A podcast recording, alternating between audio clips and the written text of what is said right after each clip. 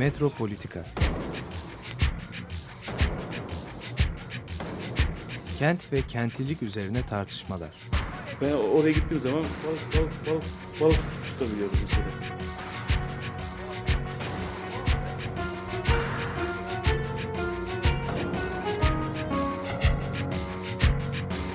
Hazırlayıp sunanlar Aysin Türkmen, Korhan Gümüş ve Murat Güvenç. Takusuyor yani. kolay kolay boşaltamadılar. Yani elektrikçiler terk etmedi Perşembe Pazarı merkezinde. Merhabalar değerli Açık Radyo dinleyicileri.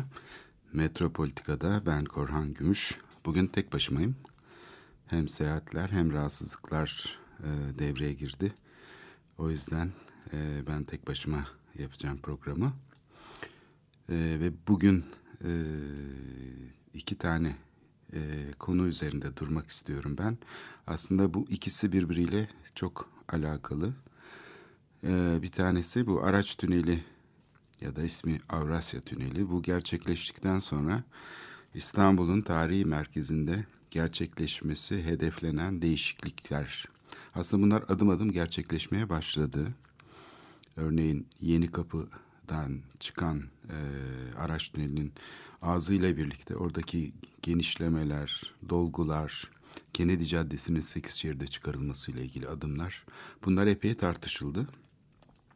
Ben biraz da e, bu değişikliklerin diğer e, uzantılarına bakmak istiyorum. E, elbette ki şehirde bir takım değişiklikler olacak, e, yenilemeler olacak, yeni planlar yapılacak, yeni projeler hazırlanacak ama bunların yapılış şekliyle ilgili e, bir takım e, tuhaflıklara da aslında değinmek istiyorum. İlk önce e, kendi başımdan geçen bir olayla başlayayım isterseniz. E, son e, günlerde yani işte bir deniz otobüsü e, şeyim oldu. Kabataş'tan deniz otobüsüne bindim hafta sonu. Ve deniz otobüsünde bir e, anket formu dağıtıldı. E, bu anket formunda şöyle sorular vardı. Kabataş'a nereden geliyorsunuz?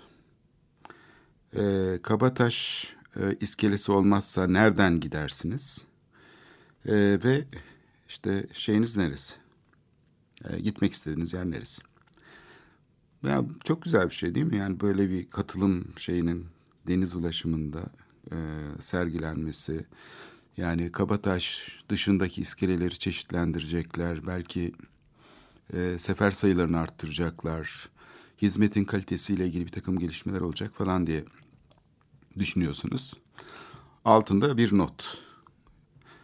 Kabataş seferlerimiz sona ereceğinden dolayı e, bu seferi nereye kaydırmayı planladığımızı daha isabetli düşünebilmek için sizden e, bu konuda e, ankete doldurmanızı bekliyoruz.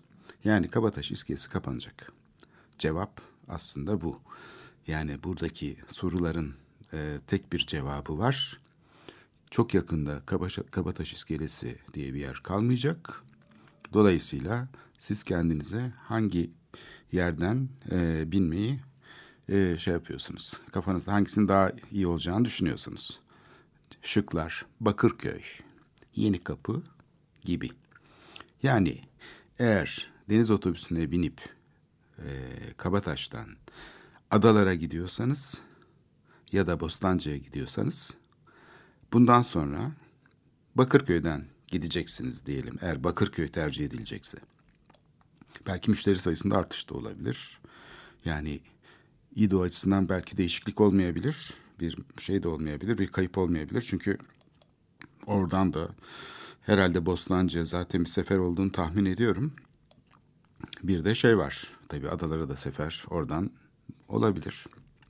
Dolayısıyla e, bundan böyle e, bir şey olacağını, bir değişiklik olacağını anlıyorsunuz.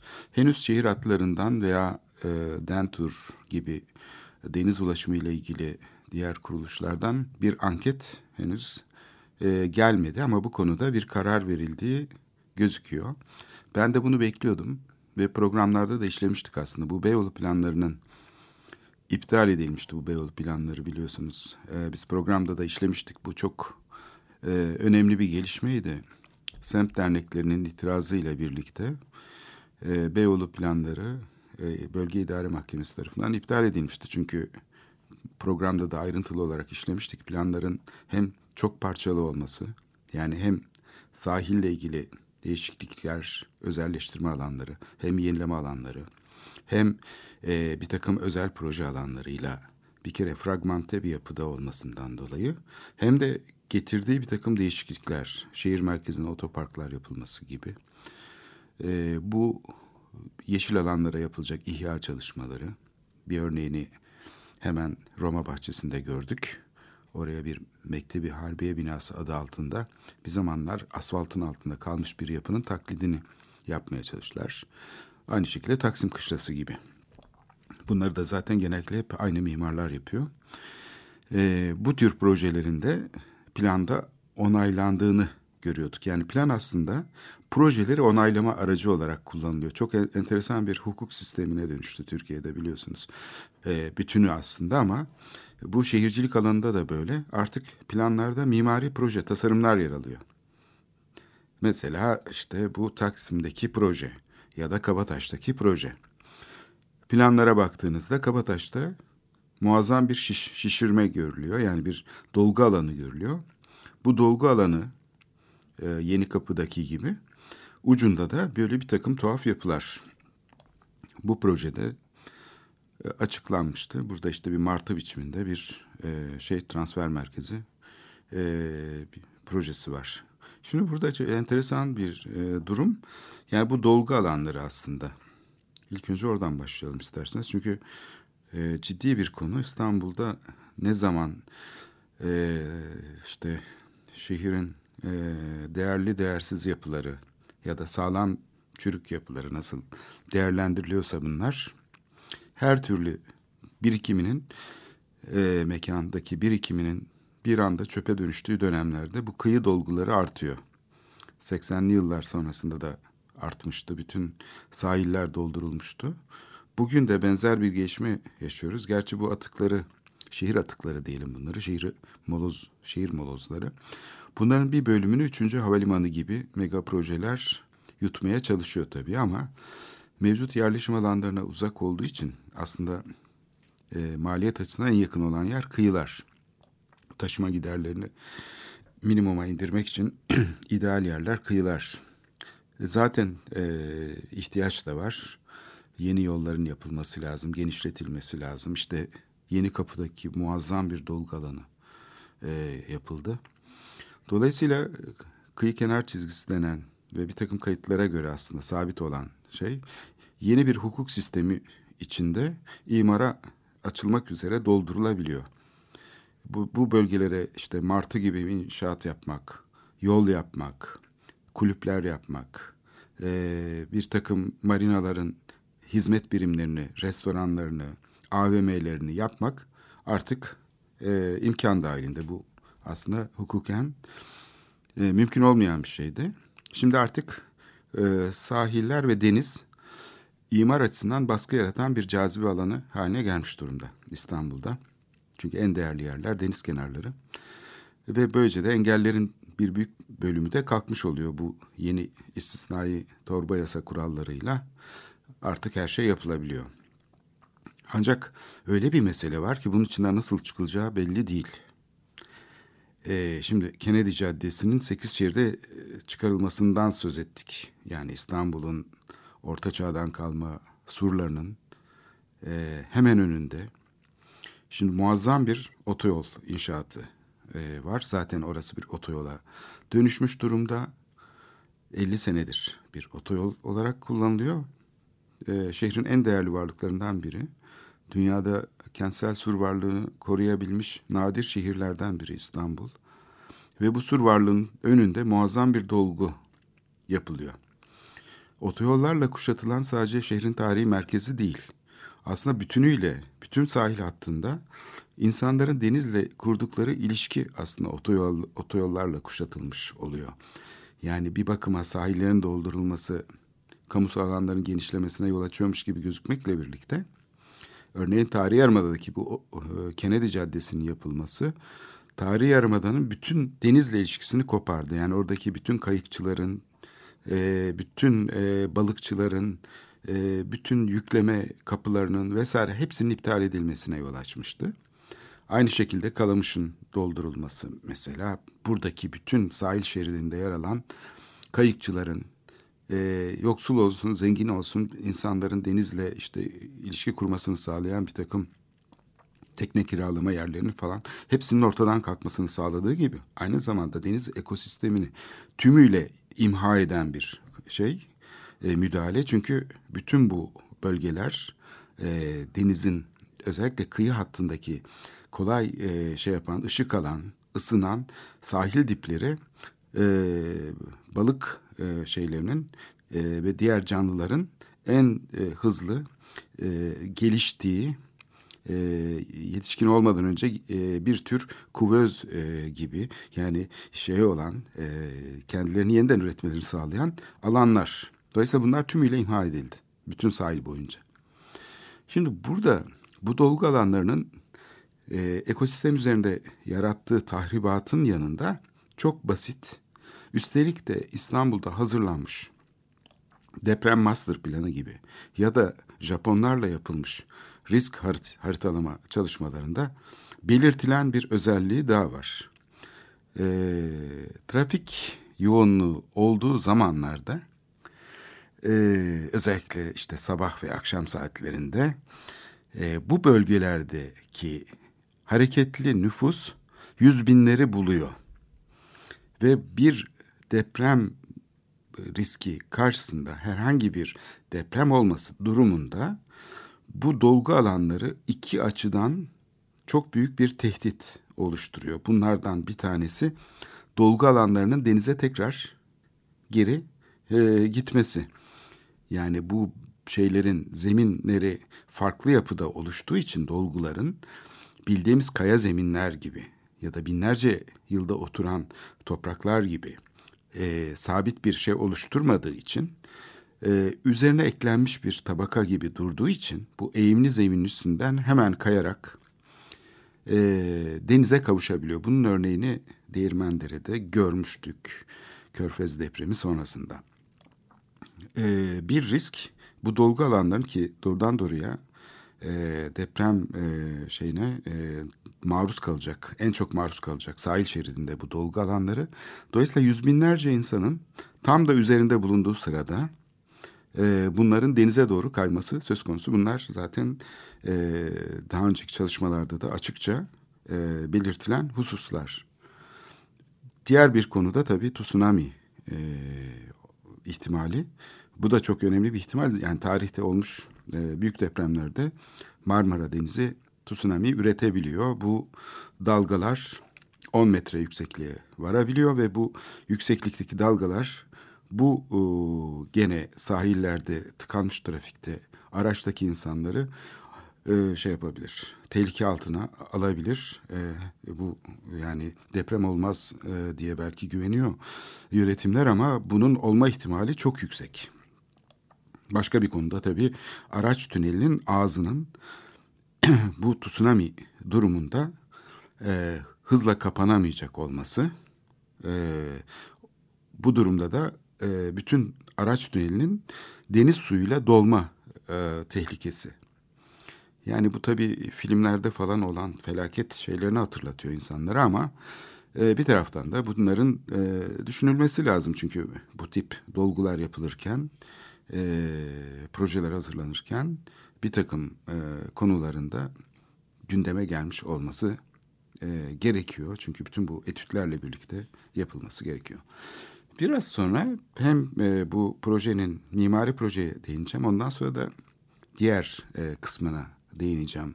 Bu dolguların ve e, yeni otoyollaşma e, modelinin e, tarihi Yarımada ve Beyoğlu çevresinde gerçekleşecek diğer e, projelere değineceğim. Şimdi Deus'tan dinleyeceğiz Serpentin isimli parçayı. I'm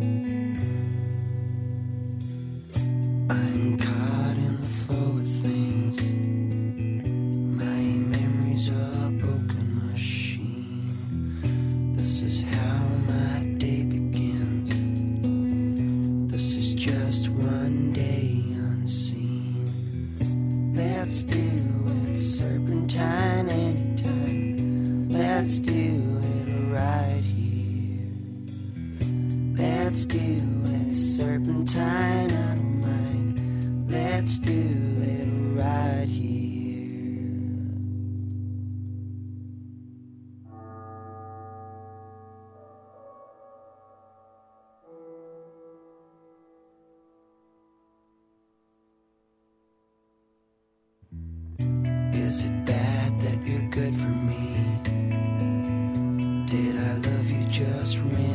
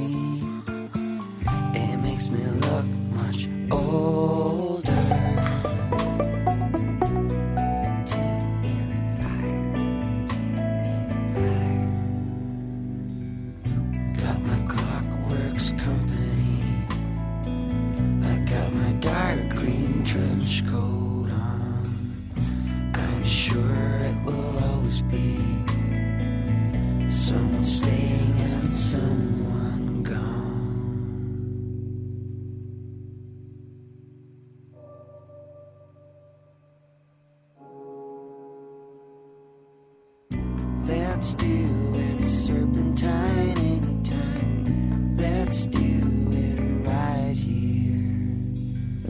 Let's do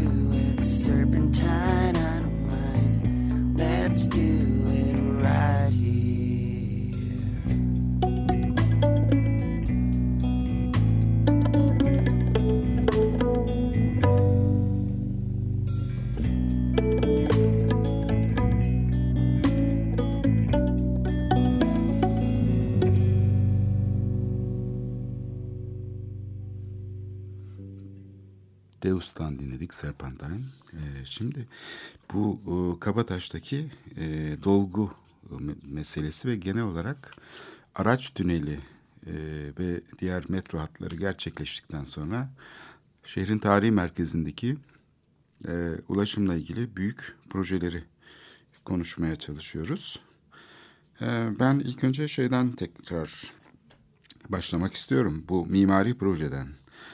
Ee, bu gerçekleştirecek olan Kabataş'a gerçekleştirilmesi planlanan dolgular şu anda e, Danıştay tarafından, Danıştay 10. Dairesi tarafından e, iptal et, e, mahkemenin iptal kararının kaldırılması üzerine yani mahkeme tekrar sürecek birdenbire e, yapılabilir hale geldi.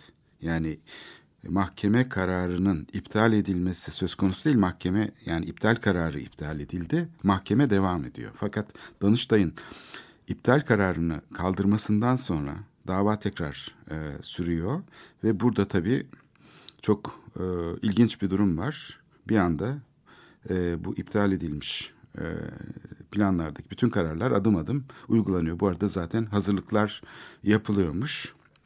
Bu arada da belediye aslında planı yeniden hazırlaması gerekiyordu bu geçen süreçte. Mahkemenin, e, idare mahkemesinin verdiği karardaki gerekçeleri dikkate alarak yani daha ilişkisel bir modelle e, bir planlama metodolojisi içinde katılımla bu planları hazırlaması gerekiyordu ama e, izlediğim kadarıyla gördüğüm bütün toplantılarda zaten e, biraz dalga geçer gibi işte 3-5 kişilik bir takım toplantılar yapılarak e, sözde plan yapılıyormuş gibi bir izlenim verildi. Demek ki mahkeme üzerinde bir değişiklik olacağı tahmin ediliyordu. Bu e, şeyin e, gündeme gelmesiyle birlikte tekrar planların o, planda yer alan e, tuhaf e, dolgu alanında bir anda meşrulaşmış oldu. Yapılabilir hale geldi. Ve bunun üzerine de bir mart- martı kondurulmuş. Şimdi ilk önce projeden başlayalım isterseniz. Ee, yani mimari açıdan nasıl bir şeye işaret ediyor bu proje? Şimdi proje nasıl yapıldı, kim karar verdi, hangi yöntemle elde edildi falan diye baktığımız zaman projenin ihale yöntemiyle elde edildiği görülüyor. Yani projeyi en düşük fiyatı veren kişi almış oluyor.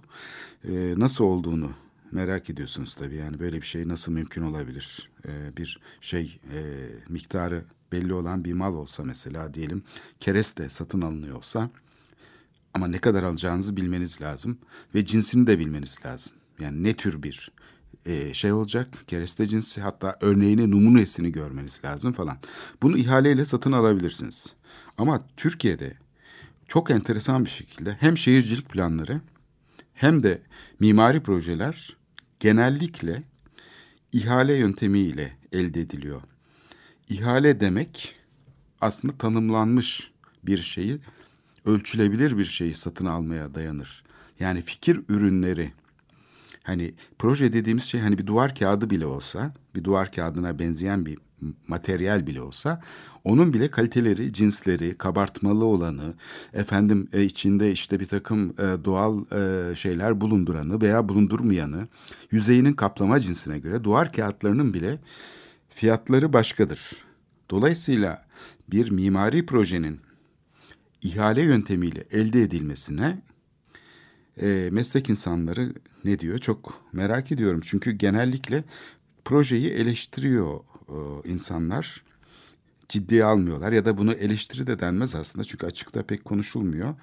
Ama e, kendi içlerinde işte insanlar kulaktan kulağa böyle bıyık altından gülümseyerek ha biz daha iyisini yapardık falan gibi konuşuyorlar tabii. Mimarlar arasında böyle konuşmalara ben çok şahit oluyorum. Ama hiçbir zaman ya bu iş ihaleyle satın alınacak bir şey değildir. Çünkü ihale bağımlı bir ilişki kurar. Yani heykeli mesela resmi ihaleyle satın almaya kalksa bir yönetim şöyle bir e, şey yapsa, çağrı yapsa. 10 kilo heykel alınacaktır.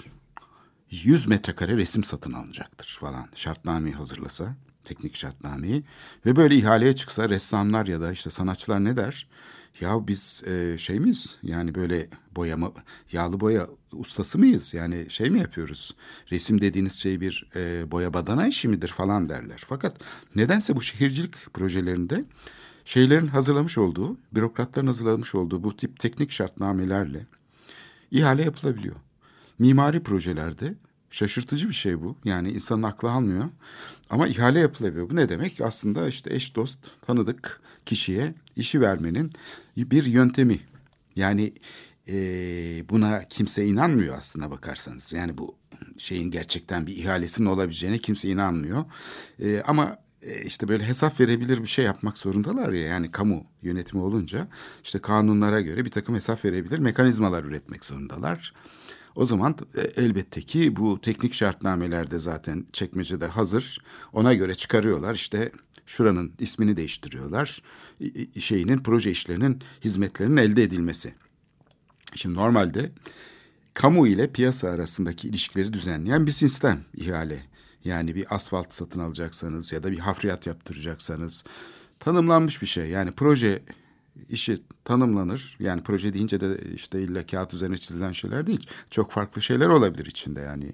Eğitim çalışmaları olabilir, araştırma şeyleri olabilir, katılım şeyleri olabilir, istihdamı iyileştirme meselesi olabilir. Yani proje deyince bizde hemen fiziki mekanı tanımlayan böyle resimler, proje çizmek anlaşılıyor. Ee, bir kere şehir çok daha karmaşık bir şey. Yani öyle sadece resim çizmek, proje yapmak demek değil. İmar planı yapmak demek, şehirle ilgili bir şey temsil etmek değil. Karmaşık durumu. Yani onu yani müteahhitler yapabilir yani bina resmi çizdirebilir mimarlara. Ama bir e, şey söz konusu olduğunda bir kamusal alan, bir şehir e, söz konusu olduğu zaman bunun planlarının ve projelerinin ihale ile yaptırılmasını herkes tabii bir şey olarak kabul ediyor. Yani bu laf ola beri gele yani böyle bir şey yapılır ama yani işte aslında genellikle belediye başkanı kendisi karar verir kime yaptıracağına. Hatta vardır onun. Önceden zaten bir şeyi vardır. Ee, bir ilişkisi falan.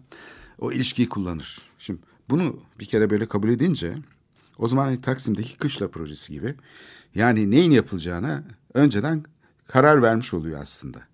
Oysa ki yani Taksim için ne kadar farklı yaklaşımlar olabilir değil mi? Yani oradaki o yeşil alanın, o rekreasyon alanının ne kadar farklı şekillerde değerlendirilebileceği, canlandırılabileceği, içine bisiklet yolu mu yapılacağı falan birçok konu olabilir ama AVM yapmak tabii hani bir müteahhitin falan hemen ilk aklına gelecek şey. Onun için de e, hukuk sistemlerinde bu yatırımcılara verilmez. Yani projeler müteahhitlere yaptırılmaz. Şehir planları planlama müteahhitlerine verilmez. Çünkü verildiği takdirde hem bağımlı bir ilişki ortaya çıkmış olur. Bu hukuk sistemin anayasal e, şeye yani halkın egemenliği diye en temel anayasal şeye aykırıdır. Çünkü bu yaratıcı sermayenin gerçekleştirdiği işlerin e, halkla çok yakından ilişkisi vardır. Yani kendi evine mobilya tasarlayan bir insanın durumundan çok farklıdır. Yaptığı her iş, attığı her adım, verdiği her karar, kamusal nitelikli kararların içeriğini oluşturur ve bu yaptığı şeylerden dolayı da başkalarının hayatını etkiler. Tarla başında örneğin. Mimar bir proje çizdiği zaman oradaki nalburun hayatını etkiler, berberin hayatını etkiler, vatandaşlık statüsü olmayan göçmenin hayatını etkiler. Yani herkesini her şekilde etkiler. Dolayısıyla yapılacak çalışma böyle bir ihaleyle yapılabilecek bir konu olamaz. Bunu aslında yani çocuklar bile bilir ee, ama nasıl oluyorsa işte meslek alanındaki kurumlar, kuruluşlar böyle bir şeye yıllardır seyirci kalıyorlar. Böyle olunca da e, tabii sivil toplumun katılması meselesinde çok ciddi bir problem oluyor. Çünkü ancak inşaat başladıktan sonra insanlar farkına varıyorlar. Ya da işte İDO deniz otobüsünde bir anket formu e, sağ olsunlar dağıttıkları zaman aa Kabataş seferleri iptal mi olacak? Peki ne kadar? İlk soru bu oluyor. Şimdi normalde 2-3 senedir bu tip projelerin yapılması. Ama Sütlüce'deki bir proje mesela 25 senedir sürüyor. Hala bitmiş değil. Hani süresi hakkında da tam bir şey yok. Taksim'deki proje kaç yıldır sürüyor? Benim bildiğim bile yani ben 50 senedir falan çocukluğumdan beri Taksim'de proje yapıldığını duyuyorum ve görüyorum. Ee, mücadelesini veriyorum. Yani bir şey olsun diye, açılsın diye bu süreç.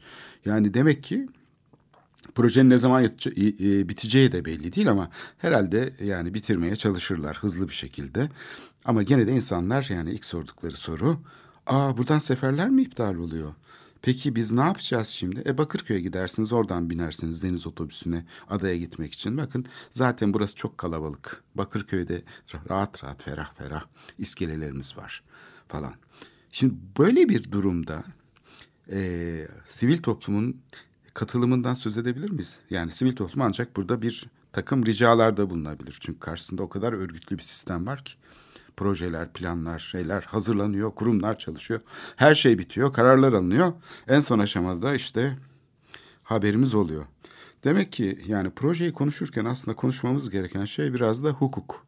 Mahkeme kararlarıyla, hukuk mücadelesiyle sadece bu süreci etkileyebilir miyiz? Yani projenin doğru veya yanlış olduğuna mahkemeler karar verebilir mi? Yoksa şehircilik gibi son derece deneysel bir işin acaba sadece hukuk yoluyla düzenlenmesi mümkün müdür? Bu sorunun cevabını da biraz sonra e, vermeye çalışacağım. Yine Deus'tan dinliyoruz.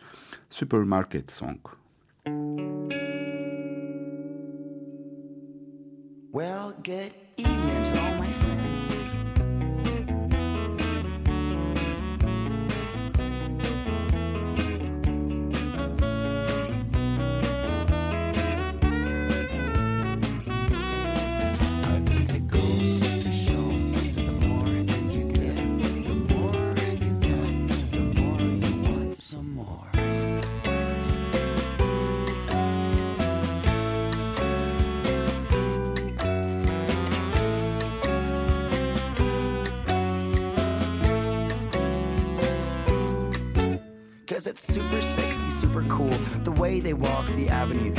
Saturday than yesterday, so it kinda makes them super blue. Spastic Sam and Eric Drew make supermarkets super flu. But they're just on time for the rendezvous.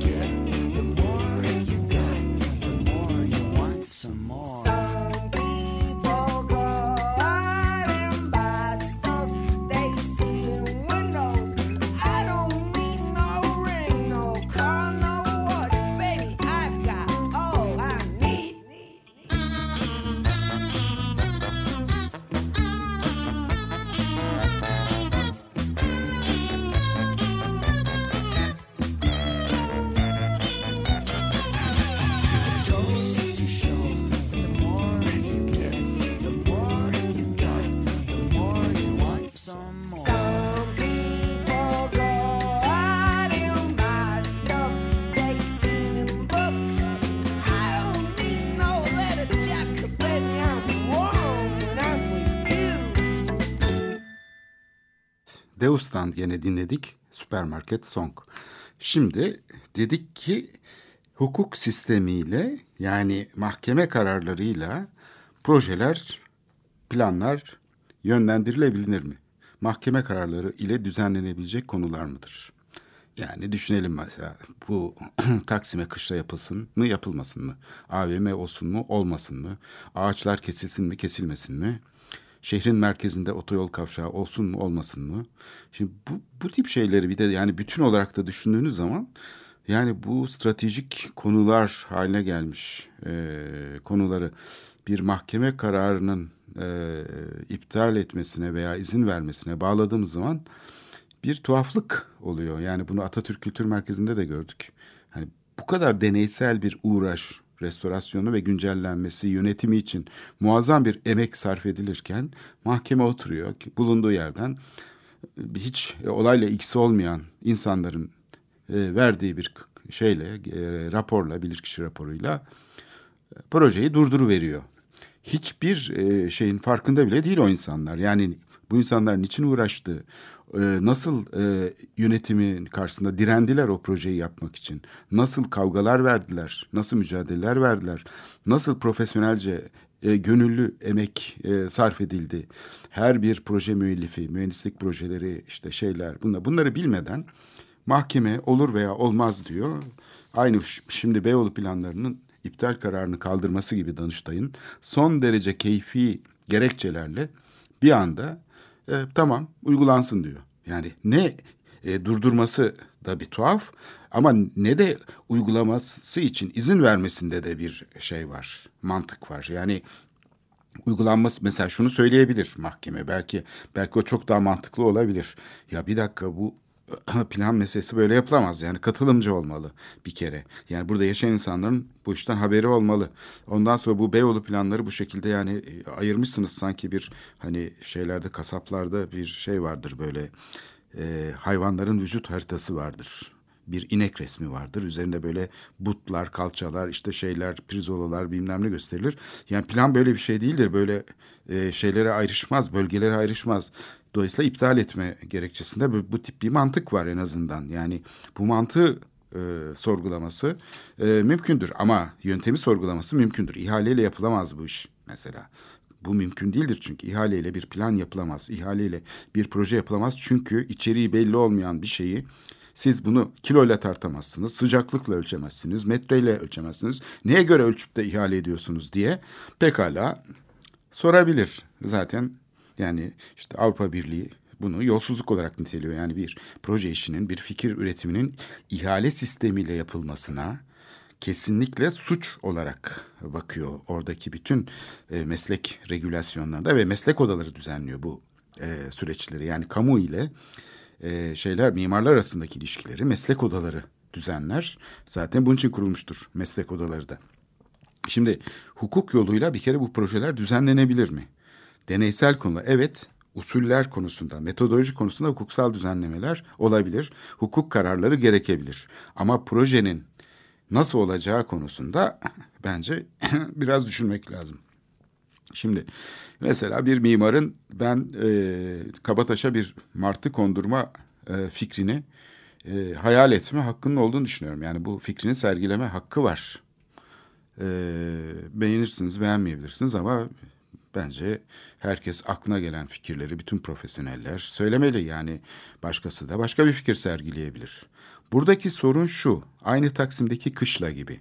Tabii ki oradaki AVM görün şeyle kışla görünümlü AVM'nin hayalini kurabilir bir mimar. Bu son derece doğaldır. Yani bir ressam gibi herkes hayal kurabilir. Bir roman yazarı gibi hayal kurabilir. Bir mimarlar da hayal kurabilir. Onların da hayal kurma hakları var. Ancak benim hayalim tek hayaldir. Bundan başka kimseye hayal kurdurtmam demesi orada bir sorun var. Yani burada düşünce özgürlüklerine, düşünceyi ifade özgürlüğüne karşı bir tavır olduğunu ben düşünüyorum. Hayal kurma tabii ki hakkı var her mimarın. Ben de mesela diyelim Kabataş'a karga kondurmak istiyorum. Böyle bir hayalim olabilir. Kargaların haksızlığa uğradığını düşünüyorum martılar karşısında ve kargaları savunmak için oraya bir karga e, şeklinde bir şey koymak istiyorum. Küçük bir heykel. Şimdi böyle bir durumda e, bunu hayal etme farklı bir şey. Bundan başka hayal kurulamaz burası için. Bu sadece bu olacaktır. Demek ba- bambaşka bir şey. İşte burada temel bir e, hukuk problemiyle karşı karşıya kalıyoruz. Demek ki düşünce ürünleri, fikir ürünleri çoklu ortamlarda geliştirilmek zorunda. Bunun başka bir yolu yok. Burada bir nokta koymamız lazım. Yani bunu şu açıdan tartışamayız. Ya bu şeyde ne kadar kötü tasarlamış. Martı yani olacak şeymiş. Şimdi Martı'ya bak ya ne kadar ucuz bir fikir. Bu bence böyle bir tartışılacak bir konu değildir. O zaman haksızlık yapmış oluruz. Martı hayalini gören mimara. Onun çünkü bu hayali görme hakkı var. Sonuna kadar onun bu hakkını savunmak zorundayız. Sorun şurada. Kim olursa olsun benim yaptığım tek doğrudur. Bundan başka farklı bir fikir asla olamaz. Dediğiniz anda siz insan haklarını çiğnemiş olursunuz. Örnek vereyim. Taksim'deki tüneller, tünel projesi. Sözen zamanında hazırlanmıştı. Sonra e, Tayyip Erdoğan zamanında tekrar gündeme geldi belediye başkanlığı döneminde. Ve tekrar Ali Müftü Gürtuna zamanında da 550, Fethin 550. 50. yılında gene 550 proje içine kondu kendi siyasi sürekliliğini sağlaması için belediye başkanının. Şimdi tekrar gündeme gelmesi de e, işte Kadir Topbaş döneminde oldu. O da nasıl olduğunu biliyoruz. E, bu süreçlerin her birinde e, değişik şekillerde AVM e, yapılması söz konusuydu. Örneğin Sözen zamanında Taksim'e yapılacak AVM'yi e, proje müellifleri şöyle savunuyorlardı. E, bu e, AVM'yi yapmak zorundayız çünkü metroyu finanse edeceğiz. O zaman yerel yönetim kaynakları zannedersen biraz daha sınırlıydı şimdikinden. Dolayısıyla metro yapımını meşrulaştırmak için AVM'yi yapmayı savunuyorlardı. Çünkü orası değerli bir alan, boş duruyor diye düşünüyorlar ve e, bunu yapanlar da üniversite profesörleriydi yani bu projeyi yapanlar da onu da söyleyelim. Şimdi burada tabii ki bu hayali kurma hakları var. Ama şunu söylüyorlardı bu teknik bir konudur. Tartışılmaz. Yani bana açıkça söyledikleri şey şuydu. Niye eleştiriyorsunuz bu e, şeyi trafik çözümünü? Bakın Taksim'de ne kadar güzel olacak. Biz bunu teknik açıdan hesapladık. Bu bir kavşak çözümüdür. Dolayısıyla tartışılmaz. Yani bu teknik bir konudur, bilimsel bir konudur. Biz bilim adına yapıyoruz bu projeyi. Dolayısıyla Taksim'deki yaptığımız bu tünel projesini tartışmaya hakkınız yoktur. Ben de onlara şey diyordum yani düzenlenen toplantılarda zorla toplantılara çağırıyorduk. Tabii yani pek de gelmek istemiyorlardı ama lütfedip katılırlarsa e, peki diyordum yani şimdi Gümüş Suyu'ya bakalım. E, Gümüş Suyu Caddesi'nde Ayaspaşa'da Indigo Apartmanı'nın önünde kaç metrelik bir şey oluşuyor? İstinat duvarı. 11 metre, 10 metre bir istinat duvarı oluşuyor. Dolayısıyla oradaki yaşayan insanın karşıdan karşıya geçip karşıdan çiçek aldığı, işte ekmek aldığı, gazeteciye gittiği falan. Bütün ilişkisini etkiliyorsunuz. Siz orayı bir otoyol kavşağına çeviriyorsunuz. Bu bilimsel bir, evet bilimsel bu tartışılmaz. Nitekim bu son dönemde de yani bu Taksim projesi gündeme geldi, tekrar gündeme geldi 2012'lerden sonra da 2011'de ihalesi yapılmış. 2012'de gündeme geldiğinde aynen bunu söylediler. Bizzat BD Başkanı da söyledi zaten. Bu e, ulaşım projesidir tartışılmaz. Yani bunun tartışılması yani bir mimari proje gibi tartışılması söz konusu değildir. E, peki o zaman e, kışla da tartışılmıyor. Çünkü o da efendim orada zaten mevcuttu. Onun için koruma kurulu karar aldı zaten falan. Şimdi geldik Martı'ya. Martı niye tartışılmasın? Peki bunun tartışma yöntemi ne olacak? Bence asıl mesele bu. Evet Martı tartışılabilir. Bence tartışılmaz bir konu değildir. Ama tartışılmasının da yani bir e, adabı olması gerekir. Bir usulü olması gerekir. Bütün e, şey yani burada e, küçümseme üstüne kurulan bir mimari eleştiri tarzı var Türkiye'de. İşte mimarlar genellikle birbirlerinin yaptıkları projeleri beğenmiyorlar. Yani o işte kötü olmuş, onu becerememiş, o işte bilmem ne falan. Herkes böyle bir dudak kıvırıyor falan. Ya bunu konuşmak yerine, bu şekilde konuşmak yerine şöyle açığa çıkalım. Meslek kuruluşundan şunu talep edelim. Bu kamu alanındaki projelerin hiçbir zaman bir özel alandaki bir proje gibi tanıdık akrabalık ilişkileriyle ya da işte ben yaptım oldu mantığıyla değil, ciddi bir şekilde özellikle bu kamusal alandaki projelerin bir doğru düz bir programının yapılmasına, Yani projeden önce bir kere programa ihtiyaç var. İçeriğinde neler olacak? Neler, burada hangi işlevler yer alacak? Burası nasıl şehrin hayatına katkıda bulunacak? Sistemle ilişkisi ne olacak falan. Bunları bir kere şehir plancıları vesaire buradan başlayarak konuşmaya ve tartışmaya başlaması lazım. Profesyonellerin katılım mekanizmasını düzenleyen çok çeşitli yöntemler var. İlla da yarışma yapılsın demiyorum dikkat ederseniz. Başka yöntemler de var. Hakemlik mekanizmalarıyla elde edilen şeyler var, sonuçlar var. Ee, bir takım kurumların arayüz oluşturmasıyla elde edilen sonuçlar var. Ama ihale ile yapılması bence şehre karşı işlenmiş en büyük suçlardan biri. Bunun bir kere altını çizmek lazım.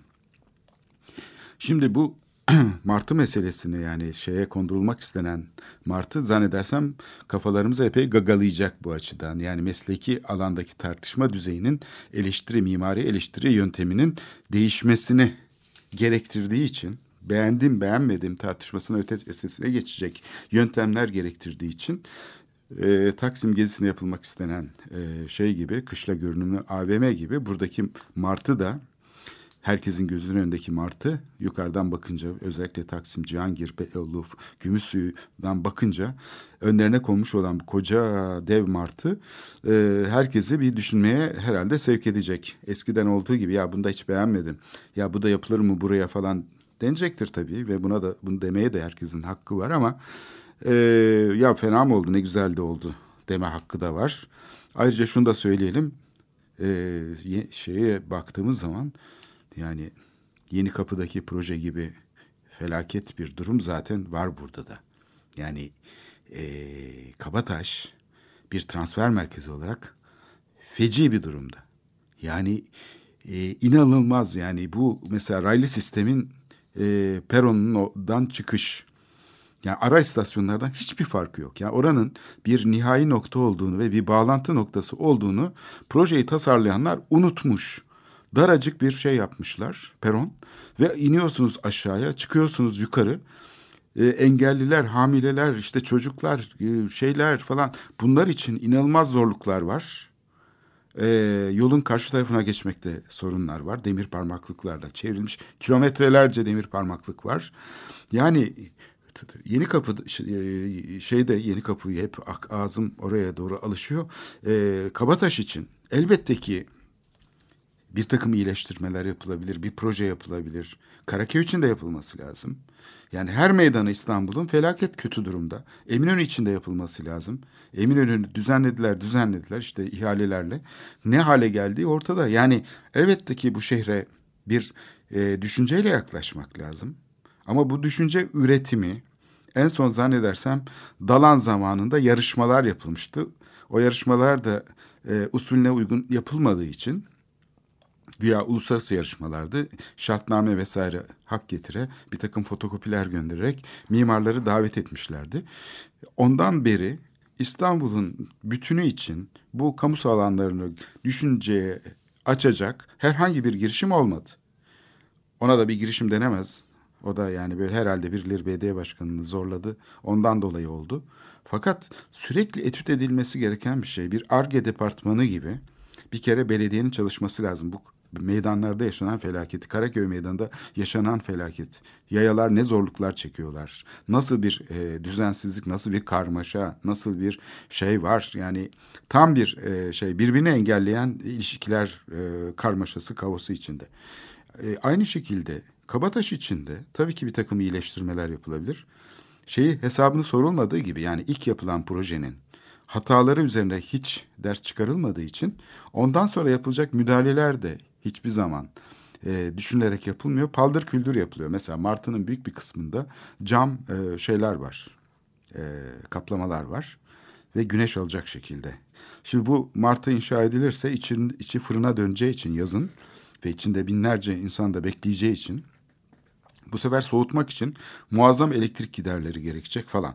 Şimdi böyle teknik basit e, şeyler de var ama yani şu anda Kabataş'a hiçbir şey yapılmasın bu halinden çok memnunuz diyen olduğunu da zannetmiyorum. Elbette ki bir takım değişiklikler yapılabilir.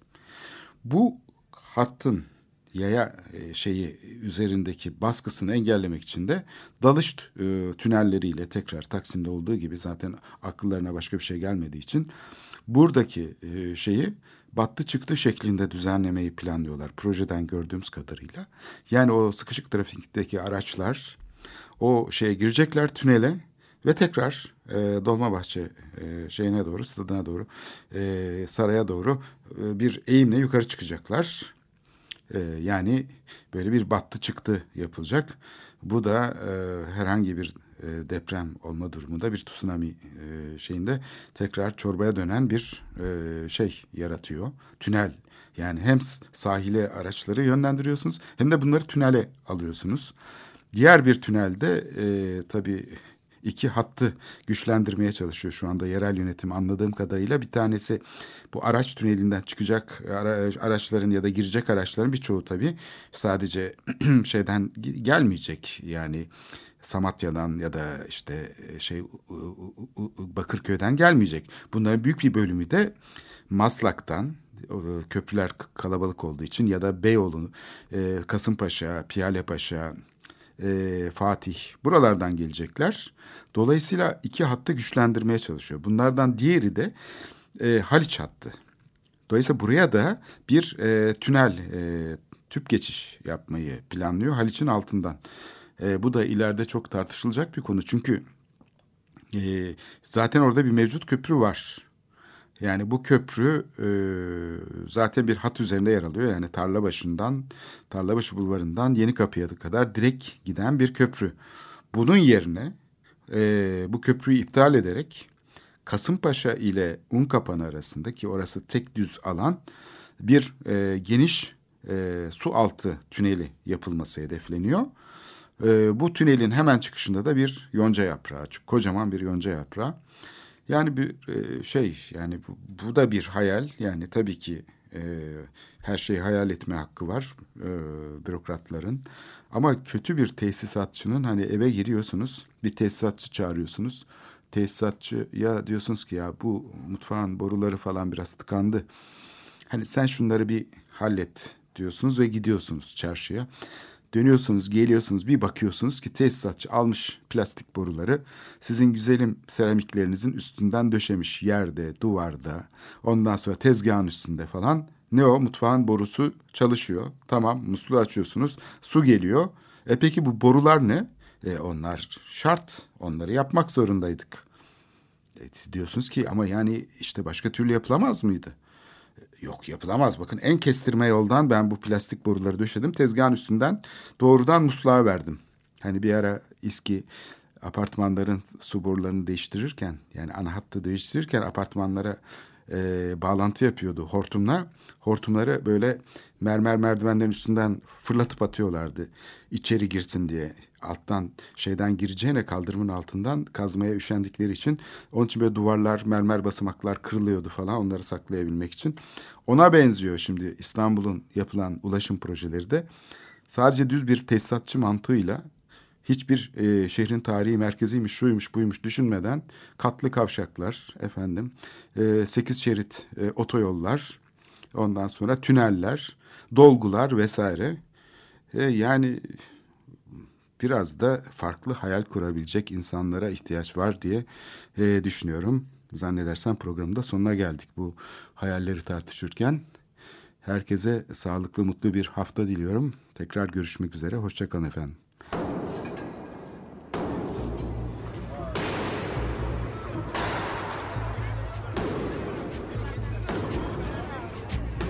Metropolitika Kent ve kentlilik üzerine tartışmalar. Ben oraya gittiğim zaman balık balık balık balık tutabiliyorum mesela.